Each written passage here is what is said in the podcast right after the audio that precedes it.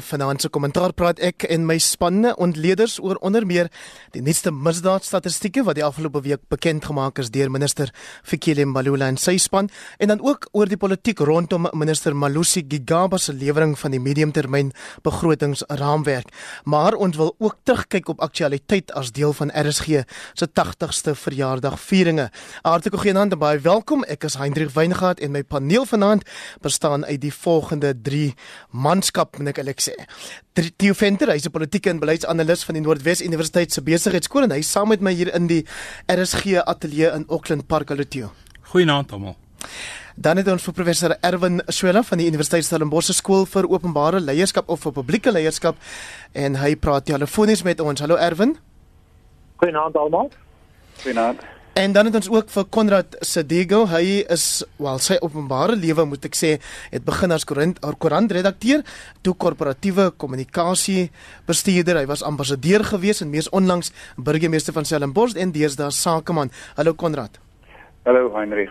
Baie dankie. Nou kom ons begin dan kollegas met die misdaadstatistieke. Ek kyk na jou Theo Venter. Eerstens wat het vir jou uitgestaan in die misdade wat gestyg het en die wat gedaal het?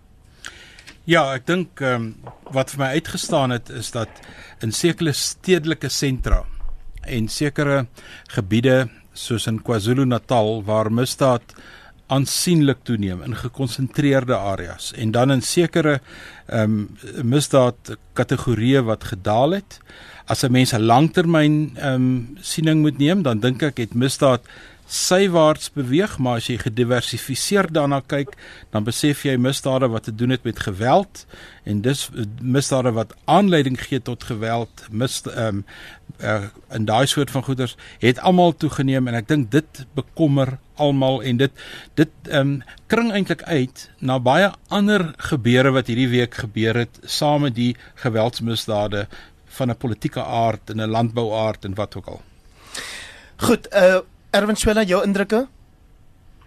Wel, ek dink 'n mens moet sê dat eh uh, die misdaadstatistiek is waarskynlik nog ondertelling van die werklike misdaad wat ons ervaar in die land.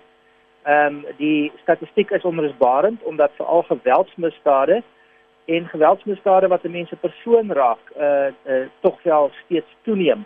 Ehm um, as jy mens gaan kyk na die op eh uh, die die opwaartse tendense in motorkapings, huisrowe, eh uh, besigheidsrowe, dan het die mense uit die hart van die saak gevoel dat jou persoonlike sekuriteit kom onder druk. Ehm um, en natuurlik uh, ons weet van die die die groot uh, aspek van plaasmoorde ook. So oral is daar uh, ingrepe op 'n mens se persoonlike veiligheid, gevoel van veiligheid en sekuriteit. En dan is daar ook 'n ondertelling. Uh, Daar's uh, vele misdade dink ek wat nie aangemeld word nie. So die aanmeldingssyfer verlaag as gevolg van die oneffektiwiteit van die polisie diens. Mense sê hoekom sal ek dit aanmeld? Dan gaan in elk geval niks gebeur nie. En dan dink ek laastens net 'n verdere opmerking. Ons sien hierdie misdaadstatistiek en ons kyk altyd na die geweldsmisdade, maar as ons kyk na die ander misdade eh, wat dan nou misdade is gebaseer op mense se invloed en mag en gesag. Dit wil sê die misdade van korrupsie, eh uh, diefstal en die staatskas. Eh uh, al hierdie aspekte is waarskynlik ook nie eens aan die orde nie dit wil dus voorkom en 'n mens uh, is so versigtig dat 'n mens nie 'n algemene gees van negativiteit en pessimisme wil saai nie dat ons het 'n absolute groot misdaadprobleem in die hele stelsel van van veiligheid en sekuriteit vanaf polisieering dwarsdeur tot politisering. Misdaad is 'n ernstige probleem in Suid-Afrika en en ek sal verseker wil hê dat daar veel meer daaraan gedoen word op sistemiese maar ook op 'n wyse wat dit doodgewoon bekamp Konrad Sedigo, minister Fikile Mbalula het groot gewag gemaak daarvan dat die geloofwaardigheid van die statistieke wat aan ons voorgehou word tog nie bevraagteken moet word nie. Ja, hy het hy het dit gesê. Terselfdertyd het hy ook gesê, jy weet daar was in 'n geval waar dit nou sê net maar 1.8% bietjie op of 'n bietjie af was of soveel gesê bietjie sywaarts en so meer. Ehm um, ja, kom ons sê alles is waar wat hy gesê het, hoewel ons nou weet en soos Erwin ook nou gesê het dat 'n mens kan eintlik nie die syfers vertrou nie. Ek dink die som totaal na ek alles gelees en gehoor het, is die som totaal in my oorhoofse indruk ons bly steeds in 'n baie onveilige land. En ehm um, wat vir my kommerwekkend is is die die die die slapheid, die gebrek aan leierskap om iets daadwerklik te doen aan hierdie syfers wat ons nou so jaar na jaar kry hoe betroubaar dit is of nie. Maar ek dink ek ek ek mis die groot sterk politieke wil en 'n belangrike ding vir enige uh burger van 'n land is tog dat sy regering die staat tog 'n verantwoordelikheid het om sy burgers so veilig veilig as moontlik te maak. En in hierdie geval dink ek val die regering ons op 'n baie groot skaal. En ek hoop dat die minister wat hy praat baie lekker soos hy in die sportwêreld gepraat het Uh, maar ek weet nie ek kry so 'n gevoel van uh, skadu bokser, shadow boxing waarmee hy besig is. Hy praat en hy stoot sulke linkers en regters uit die na die na die kriminele toe.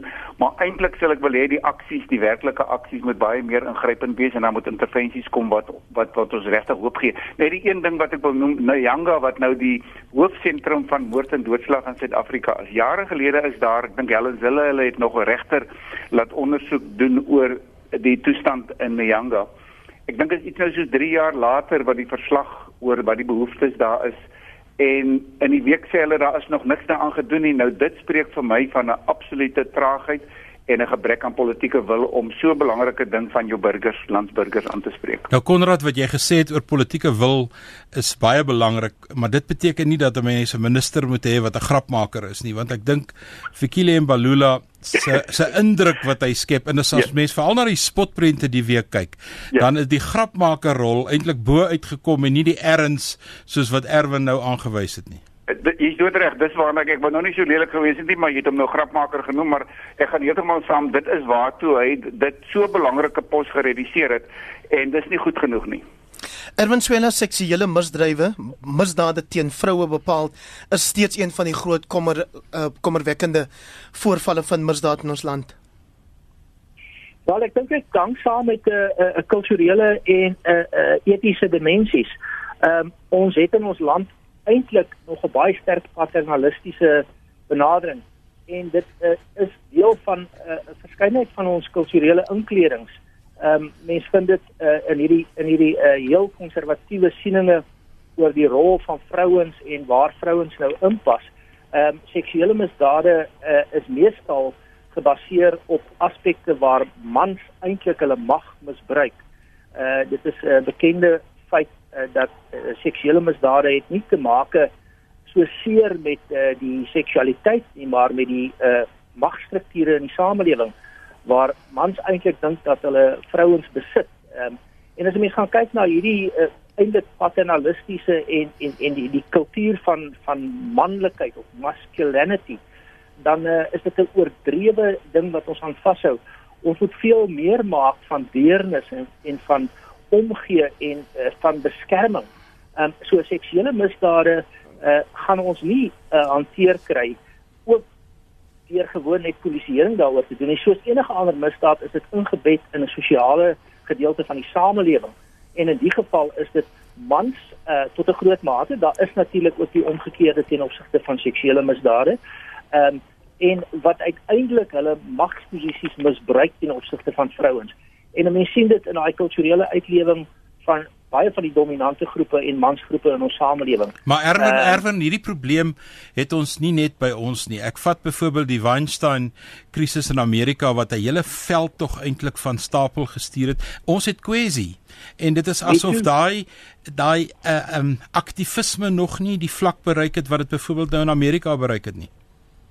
Wel ons het net pas weer 'n aanleiding gekry uit die uit die uit die boek van uh uh um uh mevrou Faitjie Mentor oor wat met haar gebeur het uh, uh ten opsigte van 'n uh, vooraanstaande leier in hierdie land ehm um, wat 'n bepaalde idee het van hoe teenoor vroue opgetree kan word. Dit is totaal onaanvaarbaar.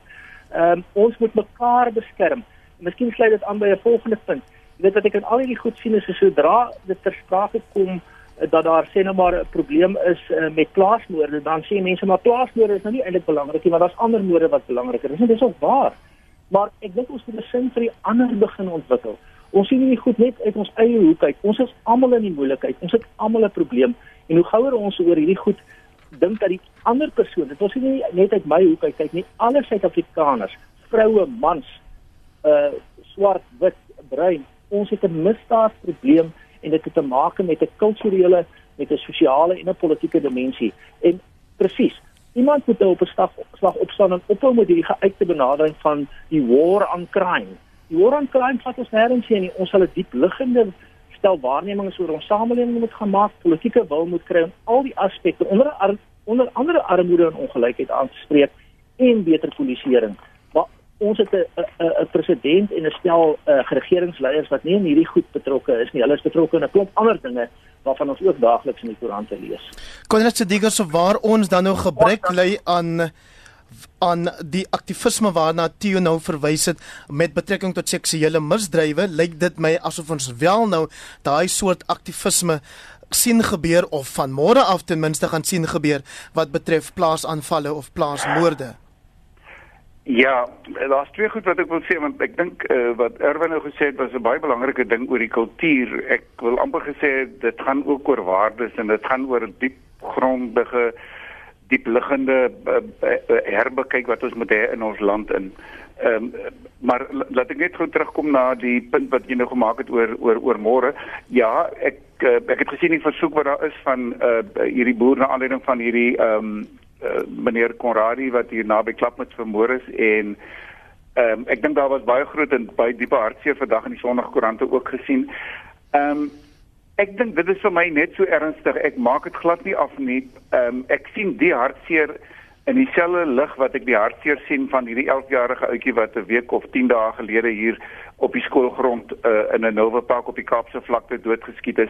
Die ehm um, ehm um, meisie Hanna van uh, Stellenbosch wat vermoor is. Ek dink elke geval daai meisie 3-jarige meisietjie uh, kort nie van Elsrivier. Ek dink wat Erwin aangeraak het, ons almal het 'n probleem, die plaasboere, die mense in townships ou mense in hulle huise op 'n plase waar ook al. Ons het 'n Suid-Afrikaanse probleem en ons moet dit dis waarna ek wil terugkom en sê ons moet regtig na ons hele waardestelsel kyk. En ons is nie wat hier sit en wat dikwels hoog heilig is oor die misdaad en oor allerlei goeders is dikwels ook daaraan skuldig ek, ek, ek gebruik dikwels die voorbeeld van mense hier om my as ek nou hier uitry op môreoggend dan sien ek mense en 'n uh, uh, welgestelde mense in hulle 4x4 van 'n miljoen rand en hy stop nie by 'n stopstraat nie en kyk nou maar net hoeveel mense stop by stopstrate wat veronderstel is om goeie burgers te wees. Hy stop nie by 'n stopstraat nie, kom hy vanaand by 'n ete en dan kla hy oor die misdaad in die land en in ons sien nie die klein jakkalsies wat die wingerd verwoes in ons land in die groter konteks nie. En ek dink hier is iets baie groot, 'n groot skroef los in terme van dit. As ons kyk na lande soos uh, die Skandinawiese lande waar ons nou 'n tydjie deurgebring het. Die korrupsie as jy kyk op daai indekse, misdaad is laag, korrupsie is laag. Dit is net so 'n waardestelsel. Eh, min mense steel, moor en so aan. Dit het iets te doen met die waardestelsel van die land. So daai gedagte van Erwin wat hy gesê het eh, is reg dat is die is die war on crime. Ek dink is amper 'n war on lack of of poor value system. Dit is waar ons moet begin. Regtig waar. Stop by stopstrate elke goeie burger in hierdie land en wys en as ons dit as deel van 'n nasionale poging begin doen, dan dink ek dan sal ons as 'n nasie die ding begin aanspreek en so meer. Maar ek wil nou nie langer oor praat nie, maar ek voel baie ernstig daaroor. Ek dink dit is 'n grootse poging. Dit is vir my amper belangriker dat ons as gewone mense die inisiatief neem soos die mense môre as wat dit ons in die regering oorlaat want hulle is veilig met hulle blou ligte en wagte en ons word hier in ons huise aangeval en verkrag. So ek dink ons ons as 'n gemeenskap moet by wyse van spreuke opmars na die na die Unie gebou toe ehm um, um, in hierdie opsig ook. Toe venter in die enige gebou is daar iemand tuis wat ons vandag op die Sunday Times se voorblad lees. Diep ingegrawe sou wees in die onderwêreld van of dit nou sigaretsmokkelary en dis meer is.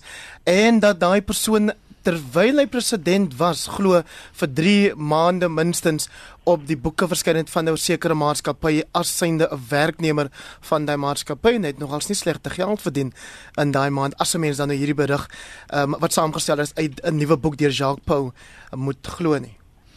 En Jacques Pau is waarskynlik een van ons beste ondersoekende joernaliste. Ek dink nie hy sal so iets uit sy duim uitsuig nie. Ehm um, ek was bevoorreg om meer as 'n jaar gelede in 'n soortgelyke gesprek te wees waar dieselfde storie vir ons vertel is. Dit het toe vir my geklink na 'n verhaal wat amper te goed is om waar te wees.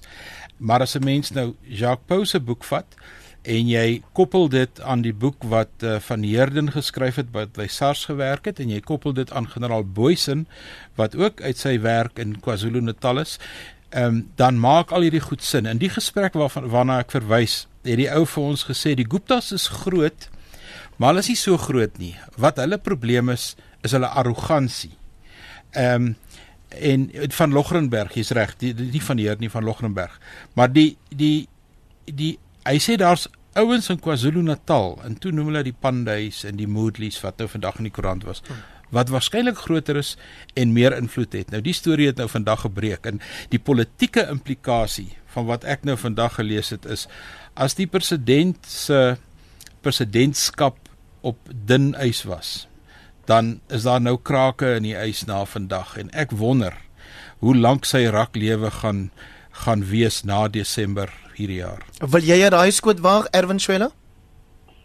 Ja, ons weet natuurlik dat as die ANC se nasionale konferensie in eh uh, Desember voortgaan en dis nou 'n vraag of dit sal voortgaan en of daar nie daaroondom ook manipulasies sal wees nie, dan gaan die president ten minste nie ehm um, vir 'n uh, uh, derde termyn verkies word nie. Ehm um, so daar kom 'n nuwe president van die ANC en by implikasie hoe lank daarna dan nou ook al 'n nuwe president van die land. Uh wat ek net hier sien is hierdie verweefde web van 'n uh, 'n uh, 'n toksiese samestelling van dinge wat in 'n sekere sin weer eens terugkom op hierdie gebrek aan aan 'n aan 'n ethos van eerlikheid, van openbare aanspreeklikheid. Ehm um, ek dink dit is genoeg so Stew uh, korrek opgemerk het omringende getuienis. Ons kan sien dat op internasionale vlak is daar ondersoeke. Dit word bevestig deur 'n verskeidenheid waarnemers. Dis eintlik goed wat wat waarskynlik ook die toets van howe sal weer staan. En dan het jy nou eintlik in die finale instansie hierdie hierdie werklike uh korrupsie en dit dit is nie korrupsie in die streng tegniese woord nie, sin van die woord nie, maar die korrupsie van die regstelsel. Ons het nou al vir vir, vir maande uh in die jare net ons hierdie beweringe en ons vra onsself die vraag of, of wanneer volg jy nou 'n vorm van van gevolge wanneer word hier iemand op 'n hoë vlak as dit ware in hegtenis geneem 'n uh, aanklagte geformuleer en gaan mense hof toe en uiteindelik tronk toe en dit is eintlik die die die verrottende korrupsie ehm uh, die korrupsie wat ons sien uh, is is is die is die manifestasie van die probleem maar die gebrek aan optrede van die regs owerhede plaas eintlik ons regstaat onder onder 'n bepaalde wolk. Ons is dan nie regstaat nie want die reg word nie toegepas op 'n gelyke wyse nie rondom belastingontduiking, rondom uh, korrupte optrede nie. Mag het reg geword. Ons het 'n ernstige probleem en dis 'n morele kwessie. Mag kan nie reg wees nie. Reg moet reg wees. Nie mag wat reg moet wees. Is dit die les Konrad Sedego wat die twee beskuldigdes en nou die twee skuldiges in die doodskus of sogenaamde doodskus saak hierdie week geleer het toe hulle elkeen met onderskeidelik 11 en 15 jaar tronkstraf gefonnis is? Jong ja. is 'n lekker sprong nou daar sommer na die doodgeval toe. Maar ehm um, ek ek moet vir jou sê ek het ek het allerlei gevoelens rondom die uh, doodkusgeval ek dink nie dit was reg nie en ehm uh, uh, ek, ek ek ons moet die reg uh, proses vertrou in die oordeel. Daar's baie mense wat gevoel het die straf is te swaar en dis meer ek wil my nie daaroor uitlaat nie. Maar daar's 'n klomp emosie rondom hierdie goed. Miskien net op by by by by by by by ehm um, wat uh, Erwin nou gesê dink ek oor die openbare aanspreeklikheid wat vir die president geld, moet vir ons as gewone burgers ook geld. En ek wil dan net gesê het voor hy van die vir die president afgaan, daar's 'n uitdrukking in Afrikaans wat ek baie lanklaas gehoor het dat 'n ou se jas is besig om in die wiel vas te dry. En ek het 'n vermoede dat die president se jas is lelik besig om in die jas vas te dry. Uh, maar ek dink hy is 'n baie miskien is nie slim nie, slinkse politikus en ek dink hy sal nog vir 'n lang tyd ehm um, uh, uh, uh, uh, onder die wiel uitbly. Maar om terug te kom na die dat die doodsgeval toe Dit is my jammer voorval in in die Suid-Afrikaanse geskiedenis omdat uh, elkeen van hierdie voorvalle soos dit en soos daai meisies van die Universiteit van Pretoria wat ook in 'n voorval betrokke is en wat ook 'n rassekonnotasie gekry het.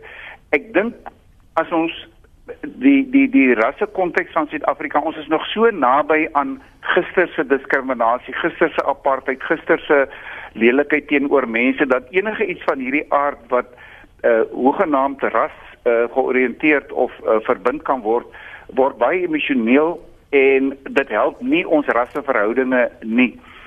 Ehm um, so uh, ek ek weet nie ek ek, ek sê hulle moet verantwoordelikheid aanvaar, hulle moet openbare verantwoordelikheid aanvaar. Ehm um, wat vir my jammer is, uh, my kommentaar as ek hierdie goed lees ook selfs met hierdie jong studente van Pretoria is dat sulke jong kinders wat nou eintlik hierdie sogenaamde uh born frees is mense wat soos my kinders in die nuwe Suid-Afrika gebore is en wat eintlik nie uh, uh, uh, uh, uh, die K woord en allerlei ander goeters as deel van hulle woordeskat so maklik moet hê nie en wat tog deel is van wat ons vandag sien. Wat vir my jammer is en wat vir my sê dat ons as groot mense waarskynlik besig is om 'n nalatenskap te los vir ons kinders wat ongelukkig is en wat ons eintlik so hard as moontlik teen moet veg en oppas wat ons langs die uh etenstafels en ook langs die braaivleisvure sê en praat want die kinders hoor dit en dit kom uit op ongeleë en ongemaklike tye soos hierdie week en ehm um, dit lei tot groot verleentheid. Maar ek is ek is verskriklik jammer oor daai voorval die ander kant en ja hulle moet die gevolge dra van hulle dade maar dit bly vir my jammer in die konteks van wat ons besig is of om probeer te bou in Suid-Afrika in terme van rasseverhoudinge Ja, ek dink self uh, Konrad om by jou aan te sluit. Ehm uh, hulle optrede was gewoon dom, maar ek dink die straf is in 'n oormaat uitgedeel en ek het 'n idee uh, mense help eintlik niks met die soort straf nie. As mens nou vinnig na die hofsaak kyk, net twee punte. Hulle is waarskynlik aan ontvoering skuldig bevind, dis definitief ja. so, maar hulle het nie 'n doelbewuste moord gepleeg nie en die slagoffer is ook nie dood nie. Daar's wel baie aan sy aan sy aan sy skade, aan sy persoonlike, die trauma ja, wat hy beleef het. Ja, ja, maar ja 10 jaar, 14 jaar daarvoor en Zuma se seun stamp 'n taxi waarin iemand dood is en hy word nie eens vervolg nie. Dis die ambivalensie dink ek waarna ehm um, Erwin verwys het ehm um, toe hy die the rule of law ehm um, ja. eintlik 'n bietjie bevraagteken het. Gerinel is ja. nou is nou ja, gelukkig so. Dit is dit is wat my bietjie pla rondom hierdie ding. Partykeer dan kan 'n mens jy weet 'n vloei met 'n 5 pond hamer doodslaan en ja. Erwin, wil jy net inkom hier hier hier bittermin reg in hierdie hele uh, verloop. Uh om mee te begin is daar geen manier wat 'n mens jou kan steun selfs met mense wat die reg in hulle eie hande neem al, alhoewel 'n mens ernstige probleme het nie en op op so onwaardige wyse mense hanteer om hulle in doodskiste te plaas. Uh ek kan op geen manier sien dat dit geregverdig is nie. Ek dink uh, daarvoor moet daar konsekwensies wees. Tweedens dan het 'n mens die situasie dat as hierdie mense hof toe gaan, blyk dit dat ja, hulle kan redelik vinnig in die hof kom die die die die die die uh die die regs ehm um, meganismes werk en hulle word verhoor en dan word hulle gestraf. En dan ontstaan die vraag, maar hoekom is daar nie baie ander mense ook in die howe nie? So uh, jy jy kan nie wat hulle gedoen het goed praat nie en, en die feit dat hulle daar in die hof gekom het is ook reg maar die vraag is onmiddellik hoekom is daar nie ander mense ook in die hof nie? Wat uh, dit lyk asof die asof die hierdie is nie 'n klein visie nie maar asof die gewone mense hulle hulle beland in die howe en hulle word uh, gestraf. Terwyl die die die die magtiges dit nie nie het nie. In die derde instansie moet 'n mens dan gaan kyk na die na die regstelsel. Die regstelsel werk op 'n bepaalde manier. Ehm um, dis verskriklik moeilik om van buite af uh, die die die straftoemeting uh, behoorlik te evalueer Ehm um, en ehm um, dit lyk na 'n baie swaar straf en op een of ander wyse uh, sê die regter ook dat daar nie appel daarteen kan wees nie. Dit dit vind ek nou ook jammer want ek dink 'n mens behoort altyd die moontlikheid oop te laat ehm um, dat daar hoër beroep kan wees. Maar die regter se bevinding is regstegnies korrek. Sy neem die standpunt in dat 'n ander hof waarskynlik nie tot 'n ander gevolgtrekking sal kom nie. Ek vermoed daar sal verdere optrede kom en die saak sal tog in hersiening geneem word. Ek dink as 'n mens van die van die uh, gebeure wegbeweeg in tyd en ruimte, dan kom daar 'n nuwe insigte. Uh maar ek dink dit is so 'n illustrasie van van hoe die ding skeef getrek is in Suid-Afrika op verskillende maniere. Ons moet regtig begin kyk na onsself. Laaste punt. En dan wil ek weer 'n pleidooi lewer. Almal kyk na hierdie geval en sê dis nou 'n ander wat dit so gedoen het. En dan kyk ons weer uit die ander se hoek kyk na ons gevalle en ons moet regtig begin om 'n soort eenheid te begin vorm. Verkeerd is verkeerd en ons moet sover as moontlik met mekaar in solidariteit kyk en ek bedoel nou nie die die die die organisasie nie, maar in solidariteit kyk na na dit wat verkeerd is en en en saam optree en almal se pyn, mekaar se pyn en leed deel en voel. As jy pas by ons ingeskakel het, jy luister na kommentaar. Dit is RSG so Sondag aand aktualiteits of nuusbesprekings. Program vanaand is my paneel professor Erwin Swela, hy's van die skool vir publieke leierskap by die Universiteit Stellenbosch en dan saam met my hier in die ateljee het ek vir Theo Venter. Hy is 'n politieke en beleidsanalis van die Noordwes Universiteit se besigheidskool en dan ook op die telefoon Konrad Sedigo Sakeman deesdae maar 'n oud koerantman, oud ambassadeur en voormalige burgemeester van Stellenbosch. Ek het gevra kollegas dat ons daarom ook vanaand 'n bietjie terugkyk Vrydag in hierdie gebou het ons lekker koek geëet en biltong ge, geëet en um, uh, van hy botteldrankies gedrink en Janie vir jaar heel cool omdat er is gee 80 jaar gevier het um, en dit was natuurlik Vrydag die 100ste verjaardag van die oud ANC leier Oliver Tambo. Ek wil hê ons vanaand 'n bietjie praat oor hoe aktualiteit of aktualiteitsgesprekke die afgelope 80 jaar of die deel daarvan wat jy van weet verander het in Afrikaans. Theo Venter, ek begin met jou. Jy het van die eerste uitsending van kommentaar deelgeneem. So jy het 'n storie om vir ons te vertel. Ja, ek dink ehm um, die die van die 80 jaar het ons so die laaste so ek sê 20, 30 jaar het ons kommentaar uitgesaai. Ek kan onthou dat Andre ter Blanche die opdrag vir Nikki van der Berg gegee het in 1991 om daarmee te begin en sy heel eerste twee deelnemers was Isak de Villiers en Ebe Dommese. En van daar af het 'n klomp mense deelgeneem. As ek net vinnig 'n paar name kan noem, Harold Pakendorf, Antjie Krog, Albert Venter, Ari Rousseau, Piet Kreer, Willie Kuhn. Ehm um, maar die belangrikheid daarvan was tot en met kommentaar begin het was aktualiteit maar in die oggend uh, monitor en later aan het julle natuurlik die middagprogram bygekry maar daar was nooit 'n in diepte program nie. Toe ek jonk was was die in diepte program AM van skoor. Dan het hy vir ons um, iets vertel hier 8 uur in die nag en dan het dit geëindig met goeie nag of so iets. Dit was omtrent die omvang van aktualiteit, maar hier van kommentaar se begin af kon ons ten minste eenmal 'n week 'n bietjie in diepte in sake inbeweeg wat mense in die week eintlik nie voortyd kry nie en waaroor jy maar net moet hardloop soos wat die koerante dit kon doen. En Konrad Sadego, jy was by die koerante vir 'n groot deel van daai daai periode. Praat met ons oor hoe aktualiteit vanuit 'n oud koerantman se perspektief uit op radio verander het die afgelope klompie jare. Ja, ek was nou nie binne nie ek het so vanaand 'n nuweling ook by kommentaar en uh Theo praat nou van sy 80 jaar met die, met met kommentaar in die SAK. Jy is nou nog so 18 minute op die lug. so ek is 'n absolute babatjie, maar nee, ek dink ehm um, die soos in die, in die koerantwêreld wat nou nie vanaand ter sprake is nie, maar die goed het baie parallel geloop. Ek dink met die SAK ek het gedink uh, toe julle hierdie goed so vier en uh, regtig waar die SAIK was tot groot hoogte ook 'n refleksie van Suid-Afrika en die politiek en die gemeenskap van Suid-Afrika. Ek dink ons is ons was almal wat Afrikaans geluister het soos ek en my gesin waar ons groot geword het daar op Tilburg het ons na RS na wat Afrikaans stereo en ek weet nie wat die naamsveranderinge oor die jare al was. Radio Suid-Afrika geluister maar ehm uh, ehm um, um, ons het tog in verskillende wêrelde geleef. Die aktualiteit was nie die IM van skoor onthou ek baie goed en as ek gegroet het goeie nag. Mm. Uh, nou ja, dis wat ek omtrent alles onthou. Maar vir die res het ons gedeel in in in in in in in die nuus en die streeknuus wat destyds nog was en so aan. Maar het Tilbag die... sê vir my het Tilbag nie vir Kobus Dowry opgelewer, een van die eerste manne wat hierdie soort goed kon doen nie of is ek verkeerd oor Tilbag? Jy is 100% hy's nou ongelukkig oorlede, maar ja, hy was uh, een van daai eerste as hy nie die eerste was nie wat nuus gelees het. En ehm um, nou ja na hom met mense daar gekom soos Mohammed Sheikh en Lenet Francis, Heinrich Weingart en ek bedoel uh, uh, uh, hulle die plek heeltemal oorrompel vandag.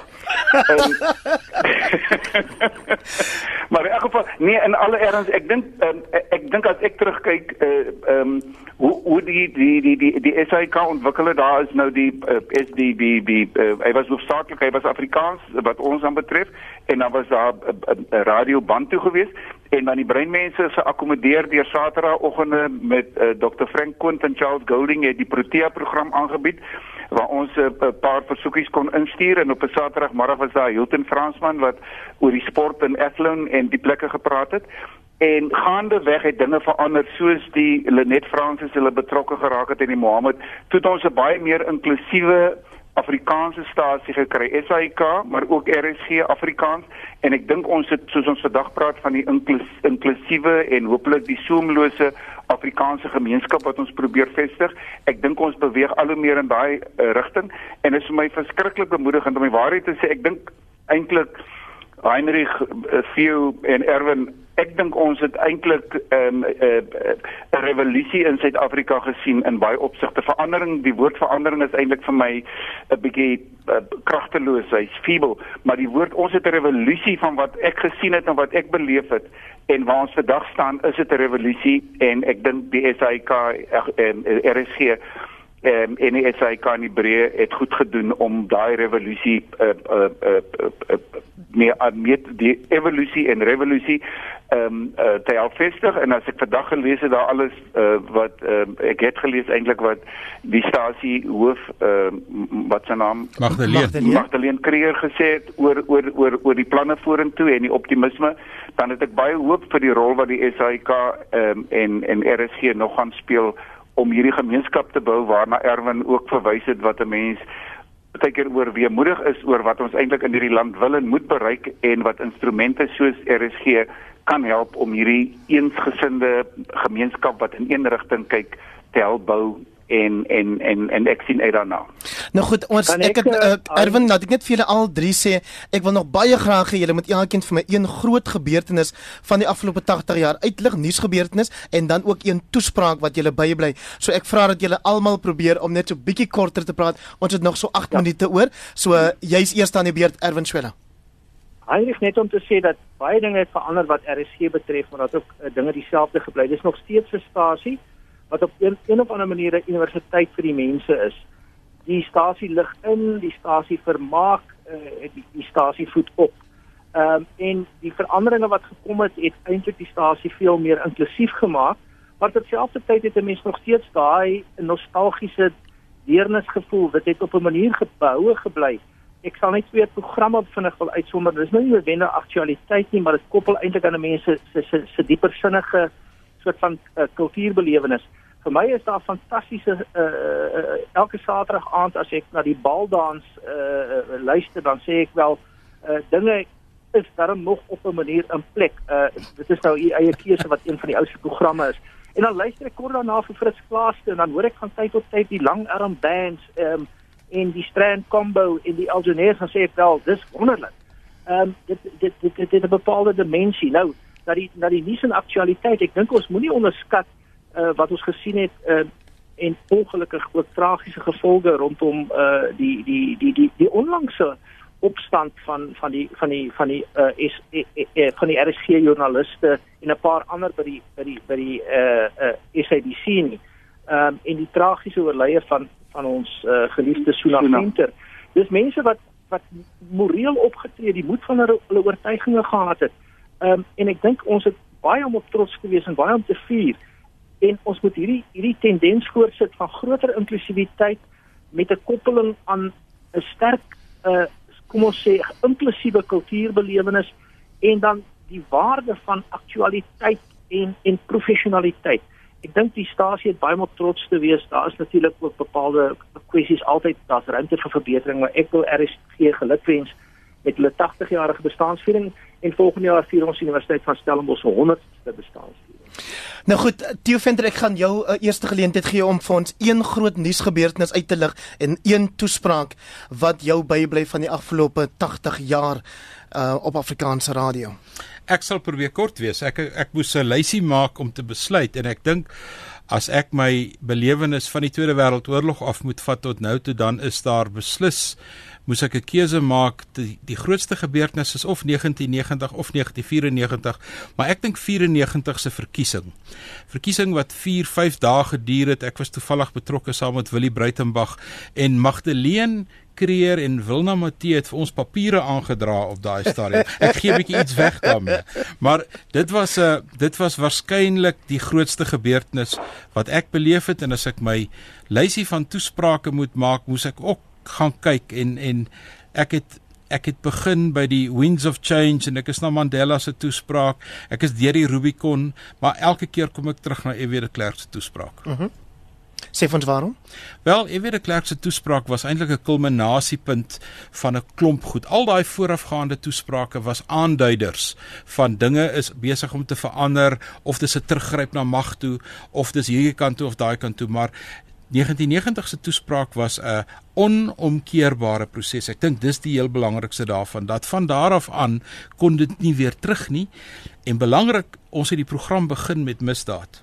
Een van die dinge wat ons nie voorsien het nie en ek sluit myself daarbey in, was hoe misdaad byvoorbeeld totaal en al uit beheer geraak het na 1990 hier van 94 se kant af. Ons het geweet met regime change kom misdaad saam want jou samelewing trek by sy some los, maar ek het nie eers naaste by kon dink dat dit so erg kon wees as wat dit is nie. Kon jy se ding is daai toespraak van F.W. de Klerk waarin hy onder andere aangekondig het dat Nelson Mandela vrygelaat word en dat jy nou enige plek kan gaan swem waar jy wil. Is dit vir jou ook 'n swak swemmer maar ek was baie bly oor die aankondiging dat ek ten minste by die strand kan uitkom ja. Ehm um, nee ehm um, ek sal ook met hierdie een gaan vir my is die uh, 2 Februarie uh, toespraak uh, uh, van 1990 die een ehm um, dit het ons lewens almal verander en ook Suid-Afrikaanse se posisie en wat daarmee gepaard gegaan het. So nee, vir my is dit die een ding en uh, wat die ja, die af, af, programme betref of uh, toesprake, daar's nie 'n toespraak. Ek moet vir jou sê ek was 14 jaar oud of 15 jaar oud uh, op op hoërskool te luister ek na 'n toespraak deur dokter Verwoerd. En ehm um, ek het my kop so in die gram radio gelê en toe maak hy 'n toespraak en iewers in sy toespraak, ek weet regtig nie waar en hoe dit was nie, maar sê hy en as ek praat van Suid-Afrika dan bedoel ek wit Suid-Afrika. En ek lê daar met my kop so in die gram radio en ek het daarna het ek my politieke onskuld verloor.